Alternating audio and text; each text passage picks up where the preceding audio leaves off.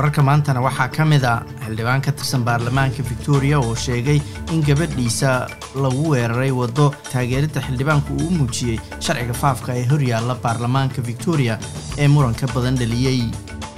covid nka ka dilaacay northern territory ayaa dhowr kays oo cusube ay ku biireen. Tasmaniana waxay abaalmarin siinaysaa dhallinta istallaasha oo waxyaalo ama alaabo ku guulaysan kara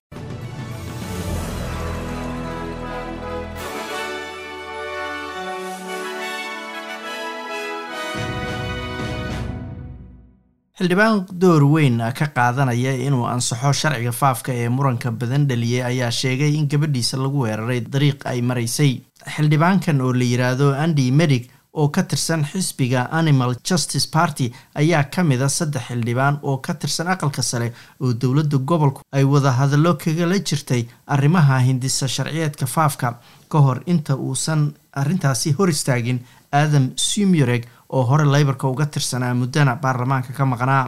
Maer medic oo hore uga hadlay hanjabaado iyo cagajugleyn uu hore ula kulmay ayaa qoraal ka soo baxay. Wuxuu ku sheegay in gabadhiisa cisbitaal la dhigay kadib weerarka.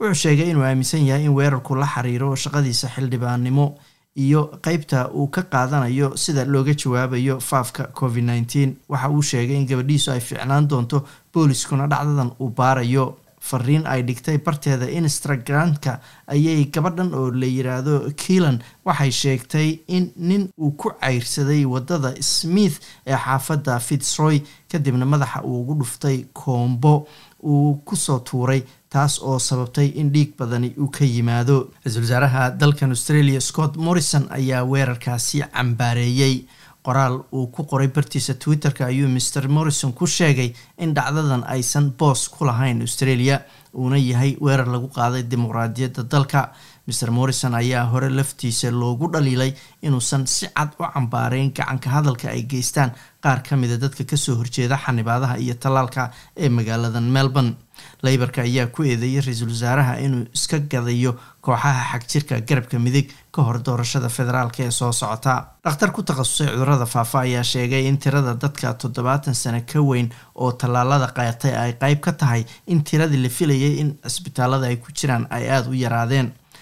qiyaas ka soo baxday macadka baaneed ayaa horey loo saadaaliyey in kun qof ay hadda cisbitaalka ku jiri lahayd. Kaysaska coronaviruskuna ay gaari lahaayeen laba kun maalintiiba.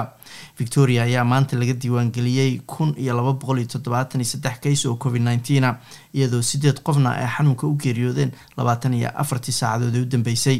rofeor michael tool oo ka tirsan macadka baaneed ayaa sheegay in tirada dadka cisbitaalada ku jira ay aada uga yaryihiin tiradii la saadaaliyey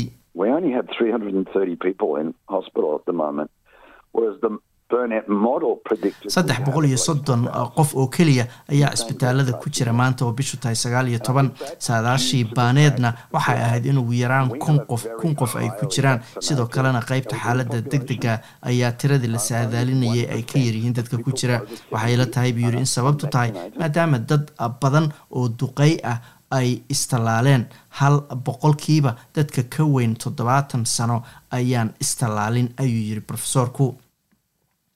northern territoryna waxaa laga soo sheegay laba kays oo cusub oo coronavirus a taasoo tirada guud ee xanuunka ka dilaacay magaalada catherine la yiraahdo hadda gaarsiinaysa shan iyo labaatan.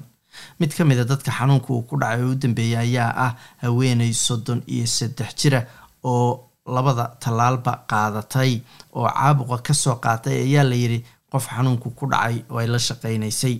mid kalena waa konton iyo sagaal jir. Haweeney ah oo ka soo jeeda dadka dalkan loogu yimid oo iyadana lala xiriirinayo xanuun qof kale ama guri kale ka dhacay. Wasiirka koowaad ee northern territory michael ganner ayaa sheegay in maamulayaasha caafimaadku ay weli isku dayayaan inay ka shaqeeyaan ama helaan xiriirka ka dhexeeya. Meeshii u horreysay ee xanuunka uu ka dilaacay iyo iyo meesha labaad ee uu ka dilaacay sagaal maalmood kadib there is a very real possibility that there are people in Catherine who have COVID and either don't know it or don't want to know it. waxaa aada suuragal u ah inay jiraan dad covid nneteen ka qaba magaalada catherine ama ma oga ama ma rabaan inay ogaadaan ayuu yiri dadkaasna bulshada ayay ku fidinayaan haddii taasi dhacdana sida ugu fiican haddaanu nasiib leenahay waa inaysan ku sii fidin oo aan xakamaynay ayuu yidhi mr ganner premierka gobolka south australia steve marshall ayaa ku dhawaaqay in dadka degan gobollada victoria iyo new south wales intooda badan loo ogolaanayo inay south australia soo galaan laga bilaabo talaadada. Dadka keliya ee aan weli loo ogolayn inay galaan gobolkaasi ayaa ah dadka degan barenbay oo ka tirsan new south wales oo aan weli gaarin baa layidhi siddeetan boqolkiiba labada tallaal dadka ka soo safraya new south wales victoria iyo a c t waxaa looga baahan yahay inay covid-ka iska baaraan toddobaatan iyo laba saacadood ka hor inta aysan soo gelin south australia.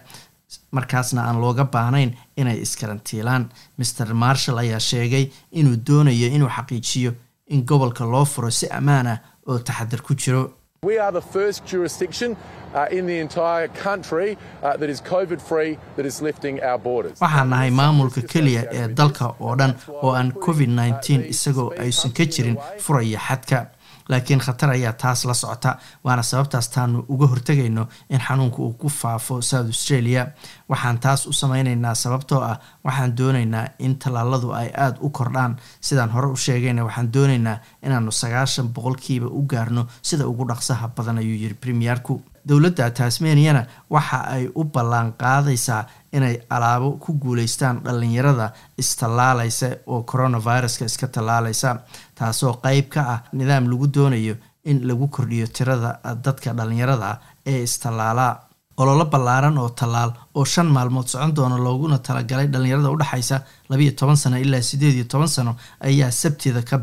ka bilaaban doona gobolkaasi iyadoo waxyaalaha ay ku guuleysan karaan laguna dhiiragelinaya dhalinyaradu hadday istallaalaan ay ka mid yihiin qalabka elektroniga iyadoo la siinayo ama ay ku guuleysan karaan qofka tallaalkii koowaad qaadanaya amaba kii labaadba maamulka gobolkaasi ayaa rajeynaya in sagaashan boqolkiiba dadka ka waaweyn laba iyo toban sano ay markaasi tallaalka qaataan ka hor inta tasmania aysan xadkeeda u furin dadka labada tallaal qaatay ee gobollada kale ee dalka marka la gaaro shan iyo tobanka bisha soo socota ee december.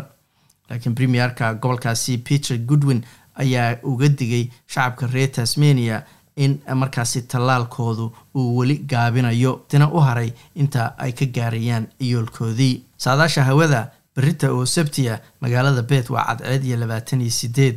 adelaide waa xoogaa roobaba iyo sideed iyo toban. Melbourne waa daruuro iyo sideed iyo toban digrii magaalada sydney waa labaatan iyo saddex xoogaa roobaba ayaana la filayaa. Brisbane inta badan waa cadceed iyo kow iyo soddon digrii halka australian dollar maanta waxaa lagu sarifayay toddobaatan iyo saddex senti oo lacagta mareykanka ah